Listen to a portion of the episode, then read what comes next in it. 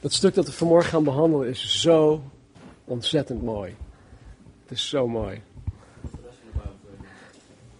Ja, maar dit is gewoon zo ontzettend mooi. het is alweer vier weken geleden dat Maarten een begin had gemaakt aan, uh, aan Matthäus hoofdstuk 7. En het gedeelte dat uh, Maarten behandeld heeft, had of, heeft voornamelijk te maken met een overkritische houding jegens je broer of zus in Christus. Waar Jezus in vers 1 tot en met 6 ingaat, is de, de zelfingenomen houding van de mens waarin men anderen lopen af te kraken. Daar gaat het om. En daarom zegt Jezus oordeel niet. En vervolgens in vers 7 tot en met 11, wat wij vandaag gaan behandelen, spreekt Jezus over gebedsverhoring. En dan sluit hij dat stukje af met de gulden of de gouden regel, de golden rule. En deze gulden regel is, is het meest eenvoudige en tegelijkertijd het meest diepgaand gebod die Jezus ons geeft. Jezus zegt in vers 12, alles dan wat u wilt dat mensen u doen, doet u hun ook zo. Want dat is de wet en de profeten. En dit heeft puur te maken met hoe wij, wij die wedergeboren zijn, met, met mensen om horen te gaan. Het heeft te maken met omgangsnormen. Het heeft te maken met hoe wij mensen behandelen. En wat Jezus hier zegt in vers 12 is simpelweg een andere manier om het één na grootste gebod in de Bijbel te verwoorden. Het, het is zelfs, ja, je kan het zelfs als een soort van parafrasering zien. Even verderop in Matthäus hoofdstuk 22, vers 34 tot 40 staat dit. Toen de fariseeën gehoord hadden dat Jezus de Sadduceeën de mond gesnoerd had, kwamen ze bijeen. En een van hen, een wetgeleerde, vroeg om Jezus te verzoeken: Meester, wat is het grootste of het grote gebod in de wet? En Jezus zei tegen hem: U zult de Heere uw God liefhebben met heel uw hart, met heel uw ziel en met heel uw verstand. Dit is het eerste en het grote gebod. En het tweede hieraan gelijk is: U zult uw naaste liefhebben als uzelf. Aan deze twee geboden hangt heel de wet en de profeten. Nou, de, de reden waarom ik dit aanhaal, is omdat Jezus het hier in dit stuk wat we vandaag gaan behandelen, het over het liefhebben heeft. Hij heeft het over het liefhebben. Het elkaar liefhebben. Het liefhebben van je naaste, het liefhebben van mensen. En dat het oordelen, oftewel het overmatig kritisch zijn jegens je broer of zus, totaal geen plaats heeft in het koninkrijk van God. Weet je nog, we zijn begonnen met de, de, in, in hoofdstuk 1 met de, de geslachtsregister van Jezus. Matthäus trachtte Jezus als de rechtmatige koning van Israël te presenteren. En het gaat nog steeds over het koninkrijk van God. En, en, en, en een overmatig uh, kritische houding heeft dus geen plaats in het koninkrijk van God. En daarom zegt Jezus in dit stuk: oordeel niet. Afgelopen zondag zei ik dat het mens eigen is om zich zorgen te maken. Toch? Jullie keken me allemaal een beetje raar aan. Nee hoor. Maar het is mens eigen om zich zorgen te maken. Het is ook, het is ook mens eigen om op alles en iedereen kritiek te hebben. Laten we eerlijk zijn. Het is mens eigen. Maar het probleem hiermee is, is dat de mens in zijn zondige natuur niet in staat is om accuraat en rechtvaardig te kunnen oordelen. Wij zijn daartoe niet in staat. Jezus zegt in Johannes 7:24: Oordeel niet naar wat voor ogen is, maar vel een rechtvaardig oordeel. De mens die te gauw een oordeel velt of die te gauw kritiek heeft op een ander, hij, hij of zij doet dit altijd zonder dat hij of zij over alle relevante informatie beschikt. Bijvoorbeeld, als ik met een van jullie wekelijks een gesprek voer, waarin je mij week in en week uit vertelt hoe je man of vrouw op alle fronten tekortschiet, dan krijg ik slechts een eenzijdig verhaal te horen. Dan zou ik met de kennis die ik door middel van deze gesprekken over die persoon heb gekregen, en ook door mijn eigen observaties, die nu gekleurd zijn door, door deze gesprekken, mijn eigen conclusies kunnen trekken. Maar omdat ik niet alle relevante informatie heb, kom ik niet tot een rechtvaardig oordeel. Ik oordeel die persoon op basis van een eenzijdig verhaal, op basis van onvolledige informatie, op wat voor ogen is, op, op schijn. Maar weet je, al, al heb je beide kanten van het verhaal gehoord, al beschik je over alle relevante feiten, dan ben je en blijf je nog steeds een vergankelijk mens die niet in staat is om een rechtvaardig oordeel, oordeel te kunnen vellen. Want ondanks dat wij misschien over alle relevante feiten beschikken, kunnen wij niet oordelen over hetgeen dat in het hart van de mens verborgen zit. Alleen God kent het hart van de mens. En als mens zijnde ben ik niet in staat om de motieven van het mensenhart rechtvaardig te kunnen beoordelen. Het is, het is onmogelijk. Maar, en dit is het goed, goed, goed nieuws, dit is waarom ik zo blij ben vanmorgen. Maar, Jezus geeft ons in vers 7 en 8 van Matthäus hoofdstuk 7 de belofte dat God ons zijn rechtvaardige ogen zal geven om wel een rechtvaardig oordeel te kunnen vellen. Om wel onderscheid te kunnen maken zonder dat wij de ander afkraken. Om lief te kunnen hebben zonder dat wij altijd kritiek hebben. Laten we naar Matthäus hoofdstuk 7 toe gaan. En dan laten we beginnen bij vers 1. Dit heeft Maarten vier weken geleden al behandeld, maar het, past hierbij, of het hoort erbij. Dus laten we het ook uh, deze keer weer lezen. Oordeel niet, opdat u niet geoordeeld wordt. Want met het oordeel waarmee u oordeelt, zult u zelf geoordeeld worden. En met welke maat u meet, zal er bij u ook gemeten worden. Waarom ziet u wel de splinter in het oog van uw broeder, maar merkt u de balk in uw eigen oog niet op? Of hoe zult u tegen uw broeder zeggen: Laat toe dat ik de splinter uit uw oog haal en zie, er is een balk in uw eigen oog? Huigelaar, haal eerst de balk uit uw oog en dan zult u goed kunnen zien om de splinter uit het oog van uw broeder te halen. Geef het heilige niet aan de honden en werp uw parels niet voor de zwijnen, opdat, ze, opdat die ze niet op enig moment met hun poten vertrappen, zich omkeren en u verscheuren.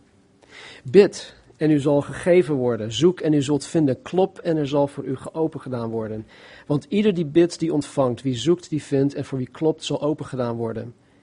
Of is er iemand onder u die zijn zoon een steen zal geven als hij om brood vraagt? Of als hij hem, een, of als hij hem om een vis vraagt, zal hij hem een slang geven? Als u, die slecht bent, uw kinderen dan goede gaven weet te geven, hoeveel te meer zal uw Vader, die in de hemelen is, goede gaven geven aan hen die tot hem bidden. Alles dan, wat u wilt dat de mensen u doen, doet u hun ook zo, want dat is de wet en de profeten. Tot zover. Oké, Jezus zegt in vers 1 tot en met 6 om anderen niet onrechtvaardig te, te bekritiseren, maar om wel geestelijk onderscheid te kunnen maken. En vervolgens wijst Jezus zijn discipelen en ons de weg om dit te kunnen doen. Hij wijst ons de enige weg om dit te kunnen doen. Hij zegt in vers 7 en 8: Bid en u zal gegeven worden. Zoek en u zult vinden. Klop en er zal voor u open gedaan worden. Want ieder die bidt, die ontvangt. Wie zoekt, die vindt. En voor wie klopt, zal open gedaan worden. Jezus geeft ons hier geen, geen um, carte blanche om maar op te eisen wat ons hartje begeert. Vaak wordt dit, deze, worden deze Bijbelversen uh, misbruikt, uit zijn context gehaald. Vraag maar wat je wil. Er staat er, wordt je gegeven. En maar hij geeft ons hier geen carte blanche. Nee, de context leert ons dat dit puur te maken heeft met het tot God bidden voor de juiste hartsgesteldheid jegens anderen. Het heeft te maken met het tot God bidden voor de wijsheid en onderscheidingsvermogen om tot een accuraat en rechtvaardig oordeel te kunnen komen. Want al is door Gods genade de balk, hè, die grote balk uit ons eigen oog gehaald, hebben wij Gods wijsheid nodig om precies te weten hoe wij een broer of zus kunnen helpen om die splinter uit hun oog te kunnen halen. Dat kunnen wij niet alleen. Ook hebben wij Gods wijsheid nodig om te kunnen onderscheiden wie een hond is. er staat in vers 6. Geef het heilige niet aan de honden. Wie zijn de honden? Wij moeten ook onderscheid hebben om te weten wie een zwijn is. werp uw parels niet voor de zwijnen. Even verder in het hoofdstuk staat ook, uh, wees op je hoede voor wat? Voor valse profeten. Dus uh, wij moeten ook bidden om te zien wie een valse profeet is. Dus nee, God geeft ons hier geen carte blanche, maar hij geeft ons een specifieke belofte voor een specifieke nood. Nou, voor alle duidelijkheid, dit is een belofte die Jezus alleen aan zijn discipelen maakt. De eerste kwalificatie om dus aanspraak te kunnen maken op deze belofte is dat men wedergeboren is. Het is voor niemand anders opzij gelegd. Nou, aan het begin van de bergreden staat dit, in Matthäus 5, 1 en 2. Toen Jezus de menigte zag, ging hij de berg op en nadat hij was gaan zitten, kwamen zijn discipelen bij hem. Jezus opende zijn mond en hij onderwees hen. Dus hij onderwijst zijn discipelen. Er zat een menigte om hem heen die mee kon luisteren, zowel gelovigen als ongelovigen, fariseeërs, schriftgeleerden. De hele eh, meut die zat, om, die, zat daar bij hem, maar die mochten gewoon meeluisteren. Hij onderwees zijn discipelen echter.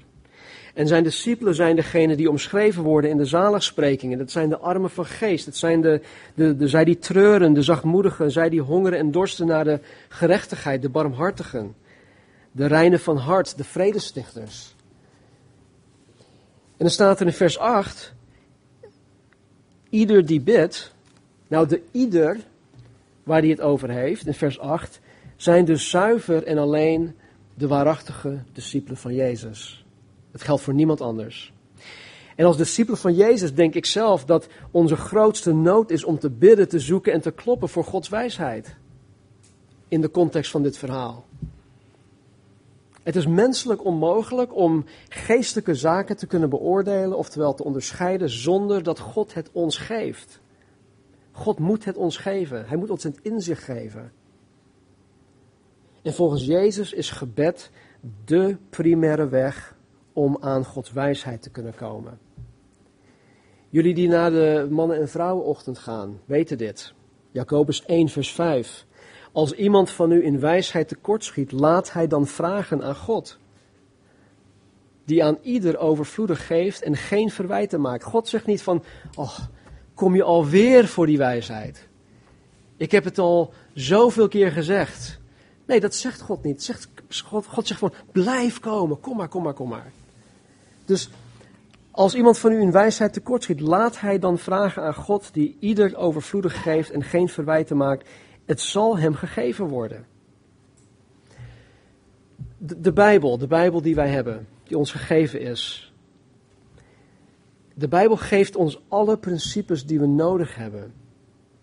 Maar God geeft ons geen specifieke instructies of methodes of regels voor elke mogelijke of denkbare situatie.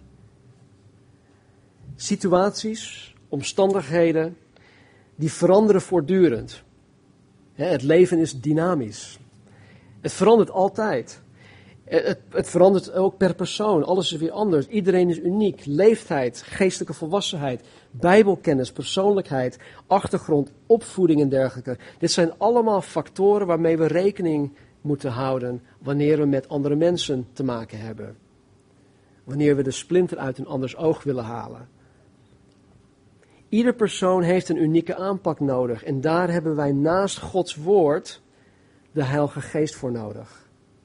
Als je de wijsheid wil krijgen om een broeder te helpen die vastzit in zonde of die, waarvan je weet, nou die gaat van het pad af. Of als je het onderscheidingsvermogen wil krijgen om honden, zwijnen en valse profeten te herkennen, dan zegt Jezus hier, ga naar je hemelse Vader toe in gebed. Bid, zoek en klop. Want ieder die bidt, die ontvangt, wie zoekt, die vindt en voor wie klopt, zal opengedaan worden. Een tijd geleden had ik een, uh, een situatie waar iemand mij vroeg over een situatie waarmee hij te maken had. En het woord is heel duidelijk wat die situatie betrof. Maar hoe hij dit moest aanpakken, de woorden die hij moest gebruiken, de timing, de hartsgesteldheid, hè, dus al, al deze andere factoren, die, dat, die, die staan niet in de Bijbel. En daar heb je gewoon de, Heilige Geest voor nodig om te weten wanneer je überhaupt een stap moet zetten, hoe je die stap moet gaan zetten en, en dat soort dingen. Dus ja, Gods woord is toereikend. Gods woord geeft ons alles dat we nodig hebben. Maar daarnaast hebben we zeker de Heilige Geest nodig om te weten hoe wij Gods woord kunnen toepassen. Nogmaals, de ieder die bidt, zoekt en klopt, duidt op een discipel van Jezus. Dit is dus de eerste kwalificatie om aanspraak te kunnen maken op deze belofte. Je moet sowieso wedergeboren zijn. Nou, de tweede kwalificatie om aanspraak te kunnen maken op deze belofte is dat je in gehoorzaamheid aan de God de Vader leeft. Je moet een gehoorzaam kind van God zijn. Eh, je komt daar niet onderuit. Je moet gehoorzaam zijn in je doen en laten. En je moet in je doen en laten ook God behagen. In 1 Johannes 3, 22 staat dit. Johannes weet het als geen ander. Wat wij ook maar bidden, ontvangen wij van Hem. Wat wij ook maar bidden, ontvangen wij van Hem. Omdat, en hier is de clue, omdat wij zijn geboden in acht nemen en doen wat Hem welgevallig is. Dus het is, het is um, onlosmakelijk aan elkaar verbonden. Het krijgen wat waar, wij voor bidden en het gehoorzaam zijn aan God. Het, zijn geboden in acht nemen, doen wat hem wel gevallig is. Hier leert de Bijbel ons dat wij zullen ontvangen wat wij van God vragen wanneer wij hem gehoorzamen. En wanneer wij doen wat hem behaagt. Nou, natuurlijk behaagt het God wanneer wij zijn woord gehoorzamen, maar ik denk zelf dat wij meer kunnen doen om God te behagen. Kendall die kwam um, in het voorjaar terug uit Hongarije. Dat was ergens in mei. En op een avond vroeg ze mij of ze met, een, met vrienden uh, ergens, konden, ergens naartoe konden gaan of zoiets. Of ze zou naar iemands huis toe gaan in, in onze wijk in Nieuw-Vennep. En ik zei, oké, goed, um, hoe laat ben je thuis? Nou, ze zei, nou, ik, ik ben om tien uur thuis. Nou, geweldig. Ze ging denk ik om half acht of zo weg na het eten. Ik verwachtte haar pas om tien uur. Maar om half negen kwam ze al thuis. Ik zeg, uh, zijn ze niet thuis of is het ongezellig? Wat is er aan de hand? Waarom ben je al thuis? Ja, nou, ik, ik weet wel dat ik met je heb afgesproken dat, dat ik om tien uur zou zijn. Om tien uur thuis zou zijn. Maar ik wist ook dat, ja, omdat ik hier zo kort ben, dat je het fijn zou vinden als ik toch meer tijd met, met jou en met, met mama doorbreng. Dus zij, nam zeg maar de afspraak in acht om om tien uur thuis te komen. Nou, daar had ik, dat vond ik fijn. Maar ze had mij, ze had mij persoonlijk behaagd door anderhalf uur eerder thuis te komen.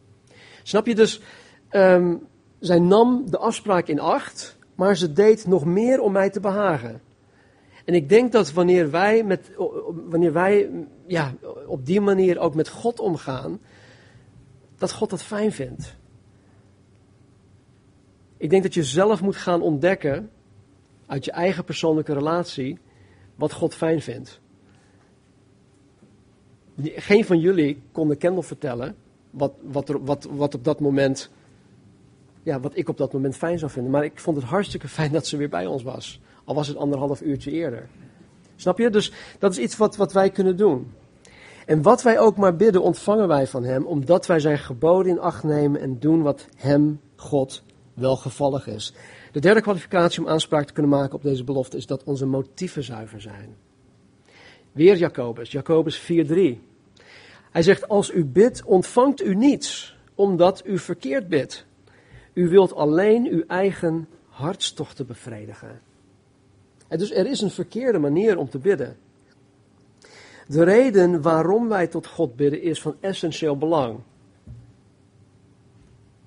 Bidden, zoeken en kloppen wij vanuit een egoïstische motivatie, dan geldt deze belofte niet.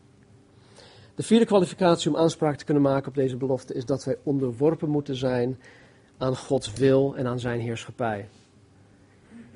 Het is onmogelijk om aanspraak te maken op deze belofte als wij verdeeld zijn in onze toewijding. Als wij trachten om zowel God als de mammon of de wereld te dienen. Hè, wat we in hoofdstuk 6 ook hadden geleerd. Over de mens die met één voet in Gods koninkrijk staat en de andere voet in de wereld, zegt Jacobus dit. In Jacobus 1, 7 en 8. Zo'n iemand moet niet denken dat hij iets ontvangen zal van de Heer. Hij is een dubbelhartig man, onstandvastig in al zijn wegen. Weet je nog een hoofdstuk 6? Waar je schat is, daar zal je hart ook zijn. Nou, als ons hart of onze schat in de hemel is bij God, als, als God ons doel is, dan zal ons hart ook naar God uitgaan. Maar als wij daarin verdeeld zijn, dan zijn, we, dan zijn wij onstandvastig. Weet je, er is niets erger dan, dan een christen te zijn met één voet in de wereld en één voet in Gods koninkrijk. Want je wordt aan beide kanten wordt je getrokken en van beide kanten word je doodongelukkig. Dus het is beter als je, volledig, als je je volledig overgeeft aan God, de volledige toewijding. Ben je een lauwe christen? Ben je een vleeselijke christen? Ben je een wereldse christen? Ben je een zondagschristen? Dan kan je het wel vergeten. Maar Johannes in 1 Johannes 5:14 belooft ons dit. Dit is de vrijmoedigheid die wij hebben in het toegaan tot God. Dat Hij ons verhoort telkens als wij iets bidden naar Zijn wil. De christen die dus niet verdeeld is in zijn of haar toewijding aan God, de christen die onderworpen is aan Gods wil en zijn heerschappij, die bidt vanzelf naar Gods wil, die wil alleen maar wat God wil. En Johannes zegt hier heel duidelijk dat wanneer zo'n christen naar Gods wil bidt, God hem of haar verhoort. Punt uit. Het is een belofte, het is een keiharde belofte. Nou, tenslotte, om aanspraak te kunnen maken op deze belofte, moeten wij volharden. Volharden is lastig. Want volharden betekent dat het niet altijd even makkelijk is. Dat we strijd hebben. Dat we tegenslag zullen tegenkomen. Dat het niet van een leien dakje afgaat. Maar dat we in stormen terechtkomen. Dat we onzekerheid hebben. De woorden bid, zoek en klop, dat zijn werkwoorden. En vergeef me als, ik dit, als dit heel dom klinkt, maar taalkundig gezien staan ze hier als, dat heet um, present imperative tense. Ik weet niet of jullie dat iets zegt. Het is gebiedende wijs uh, in de tegenwoordige tijd en dat betekent dat, um, dat, dat, je, dat je het moet blijven doen. Met andere woorden, Jezus zegt hier, blijf bidden. Blijf bidden, blijf bidden. Blijf kloppen, blijf zoeken. Ga net zo lang door totdat je krijgt waar, waar, waarnaar je vraagt. En dus blijf het doen, blijf daarin volharden. En alhoewel het bidden, zoeken en kloppen wel van een bepaalde progressie spreekt, komt het er eigenlijk op neer dat het bidden, het kloppen, het zoeken, het komt erop neer dat je iets van God wil krijgen. En, en Jezus zegt, doe het gewoon, nader toe. bestorm de troon der genade. Bid en u zal gegeven worden. Zoek en u zult vinden. Klop en er zal voor u opengedaan worden. Want ieder die bidt, die ontvangt. Wie zoekt, die vindt. En voor wie klopt, zal opengedaan worden. Vers 9. Of is er iemand onder u die zijn zoon een steen zal geven, of als hij om brood vraagt? Of als hij hem een vis, of als hij hem om een vis vraagt, zal hij hem een slang geven. Als u die slecht bent, uw kinderen dan goede gaven weet te geven, hoeveel te meer zal uw Vader, die in de hemelen is, goede gaven geven aan hen die tot hem bidden. In vers 7 en 8 geeft Jezus ons het principe, bid, zoek, klop. En hier geeft Jezus ons zijn onderbouwing. In vers 11 noemt Jezus ons slecht.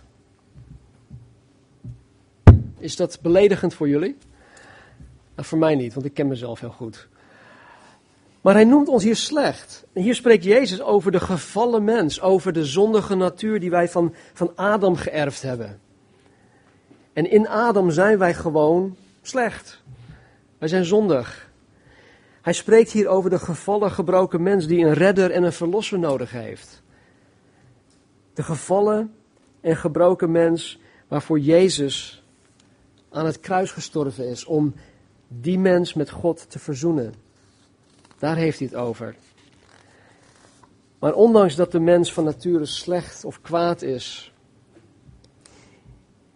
is hier op aarde, denk ik, de ouder-kindrelatie een van de sterkste die er is. Marnie en ik, die zijn één. We hebben wel eens momenten dat we dat, we dat niet voelen. Of dat we elkaar daarvan beschuldigen dat we niet één zijn. Maar over het algemeen, en er zit ook een stijgende lijn in, groeien wij steeds meer en meer naar elkaar toe. Wij, wij worden een eenheid. Maar ik denk dat de ouder- en kindrelatie, dat is, dat is anders. En het is heel bijzonder. Uitzonderingen daar gelaten hebben ouders heel veel voor hun kinderen over. Ouders offeren heel veel voor hun kinderen op. Ouders hebben het beste voor met hun kinderen en zorgen voor hun kinderen.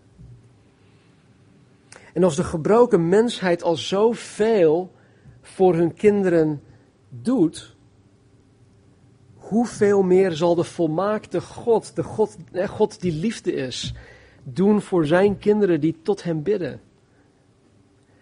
Rudolf zei ook net dat wanneer wij bidden, wanneer wij God aanbidden, dat het als een welgevallig reukoffer is. God heeft daar een welbehagen in. Hij vindt het gaaf, hij vindt het, hij vindt het fijn als wij tot hem komen. Vers 12.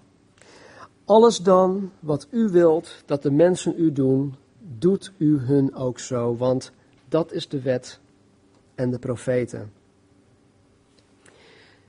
De volmaakte liefde van God komt in zijn kinderen, komt in ons tot haar recht wanneer zijn kinderen anderen behandelen zoals zij behandeld willen worden. Stel, stel dat je op, op dit gebied het voor het zeggen hebt. En zonder enige beperking, hè, the sky's the limit. Dan maak je voor jezelf een lijst waarop je je hartsverlangens opschrijft over hoe je door anderen behandeld wil worden. En je moet het zien als een soort van wishlist, een, een, een wensenlijst. Je mag dromen. Hoe zou ik willen hebben dat andere, andere mensen mij behandelen? En je mag, je mag het zo gek maken als je het zelf wil. Nou, als je deze lijst eenmaal af hebt, dan mag je daarmee aan de slag gaan om anderen op die manier te gaan behandelen. Dat is wat Jezus hier zegt. Dat is het één na grootste gebod. Het eerste is om God lief te hebben met heel je hart, ziel, verstand en kracht. En het tweede, die is gelijk daaraan, is om je naaste lief te hebben als jezelf. En dat, dat, dat is wat Jezus hier zegt. Alles dan wat u wilt dat mensen u doen, doet u hun ook zo. Want dat is de wet en de profeten. Wat is in de Nederlandse taal de, de gulden regel. Het is in het negatief gesteld. Het, het rijmt ook. Weet jullie dat? Zeg het nog eens. Wat u niet wil dat u geschiet, doe dat ook een ander niet. Nou, binnen, binnen, bijna, nee, binnen alle filosofieën in de wereld, binnen alle andere godsdiensten, is het ook zo gesteld. In het negatieve. Dus doe niet aan een ander wat je ook niet wil dat een ander aan jou doet. Maar dit is in het positieve gesteld. Dit is actief. Dit is iets wat wij moeten doen, wat wij horen te doen. Niet wat wij ja, niet doen. Snap je? En zo is God. God is ook het hij, hij is initiatiefnemer. Hij is naar de wereld toegekomen om ons te redden. Alzo had God de wereld lief dat hij zijn enige geboren zoon had gegeven. Hij nam het initiatief om de mens te redden. En het liefhebben van een ander, het, het doen voor een ander zoals wij ook willen dat anderen voor ons doen, dat, dat, dat, is, dat is proactief zijn. Nou weet je, menselijk gezien, en daar ben ik heel eerlijk in, als je het hebt over die lijst hè, die je voor jezelf maakt, nou zo wil ik heel graag dat mensen mij, mensen mij behandelen. Zo wil ik dat, me, dat hoe mensen met mij omgaan. Als je die lijst af hebt en dan ga je nadenken van, oh, maar zo moet ik anderen ook behandelen. Weet je, dat is onmogelijk. Dat is menselijk gezien onmogelijk, want wij zijn van nature, wij zijn van nature egoïstisch. Alles draait om mij. Alles draait om mij. Alles draait om jou. Maar stel, stel dat het wel mogelijk is. Hoe anders zal het leven zijn als wij meer en meer met elkaar en met anderen op deze manier om zullen gaan? Is dit een utopie? Nee. Dit omschrijft het leven in Gods koninkrijk. Zeg ik dat verkeerd? Utopie, oké. Utopia. Engels, Nederlands door elkaar heen. Het omschrijft het leven in Gods koninkrijk. Weet je, en, en er zal ooit een moment komen wanneer we allemaal in de eeuwigheid zijn, dat dit allemaal in volmaaktheid gedaan zal worden. Maar God geeft ons nu al de tools. Hij heeft zijn Heilige Geest ons gegeven, zijn woord gegeven, om dit nu alvast met elkaar te kunnen beoefenen. Dus blijf tot God bidden, blijf God zoeken, blijf bij God aankloppen, totdat je anderen lief hebt en behandelt zoals jij geliefd en behandeld wil worden. Lucas zegt over ditzelfde gedeelte, hij heeft het ook over hè, als jij die slecht bent, dit en dat aan je kinderen geeft, hoeveel meer zal God de Vader de Heilige Geest geven aan wie die tot hem bidden. Uiteindelijk is het de Heilige Geest die in ons woont, die dit in ons kan bewerkstelligen. Je kan de Bijbel van kaf tot kaf helemaal uit je hoofd kennen, maar zonder dat de Heilige Geest de regie in je leven heeft, zonder dat Hij de heerschappij over je leven heeft, is, is het alleen maar, of zijn het alleen maar woorden. Dus blijf tot God bidden, blijf God zoeken, blijf bij God aankloppen, totdat we lief hebben zoals wij behandeld willen worden, zoals wij geliefd willen worden. Laten we bidden. Vader, u bent zo geweldig goed voor ons. Heer, ik dank u voor uw woord. Ik dank u, Heer, dat u ons ook duidelijkheid geeft. Dat uw Heilige Geest ons ook verlicht, Heer, om uw woord te kunnen snappen, te begrijpen. Heer, dat u ons de wijsheid geeft om het in de context te lezen en te behandelen. En Heer, dat u ons daardoor ook doet veranderen. Zoals de apostel Paulus ook schrijft in Romeinen 12, dat wij hervormd moeten worden door het vernieuwen van ons denken. Heer, elke keer wanneer het woord tot ons komt, Heer, dan wordt ons denken vernieuwd. Maar Heer, laat het daar niet bij, um, laat het niet alleen daarbij, Heer. Help ons om ook te doen Help ons denken te veranderen, maar help ons ook om anders te gaan doen. Om daders te zijn van uw woord. Heer, ik weet dat ik verschrikkelijk tekortschiet in het blijven bidden, blijven zoeken, blijven kloppen. Ik geloof dat wij, wij allemaal daarin tekortschieten. Dus vader, vergeef ons alstublieft. En Heer, help ons om ja, vanaf vandaag, heren, dat anders te gaan zien. En heren, nogmaals, het is geen carte blanche dat u ons geeft om maar op te eisen wat ons hartje verlangt. Maar heren, het is echt om uw koninkrijk, om uw koninkrijk, op te bouwen, om uw koninkrijk uit te breiden. Want heren, door de liefde die wij voor elkaar hebben, zullen alle weten dat wij daadwerkelijk uw discipelen zijn. Het heeft gevolgen, heren, voor het winnen van zielen. Het heeft gevolgen voor het eeuwig lot, heren, van mensen om ons heen. Dus help ons alstublieft. Geef ons ook het verlangen, heren, om meer en meer te zijn zoals uw woord hier omschrijft. Omwille van uw naam, Jezus. U bent zo ver gegaan. Help ons om niet te verslappen. Help ons, heren. Wakker het vuur aan in ons hart. En help ons, heren, vandaag, morgen, de komende week, de komende zes weken, wanneer ik er niet ben. Heren, zowel in de steeds als hier, Vader. Help ons om uw werk te volbrengen, dat u ons gegeven hebt. Ik bid, heren, voor voor Rudolf, voor Casper, ik bid voor Maarten. Heer, ik bid voor een ieder van Cross Culture Calvary Chapel, heren. Dat u hen zegent, dat u hen vervult met uw geest, dat u hen zalft met uw geest. Dat u hun wijsheid geeft, dat u hun moed geeft. Dat ze zoals Jozua 1, vers 7 ook, ook zegt, wees moedig en sterk, wetende dat God met hen is. Heren, geef hen een besef dat u elke dag, dag aan dag, van moment tot moment met hen bent. En heren, dat u uw werk in hen, door hen heen, hier aan het doen bent. En dat u het ook zal volbrengen. Heren, we, we verwachten het van u. En we zijn zo blij dat wij onze levens in uw handen mogen leggen.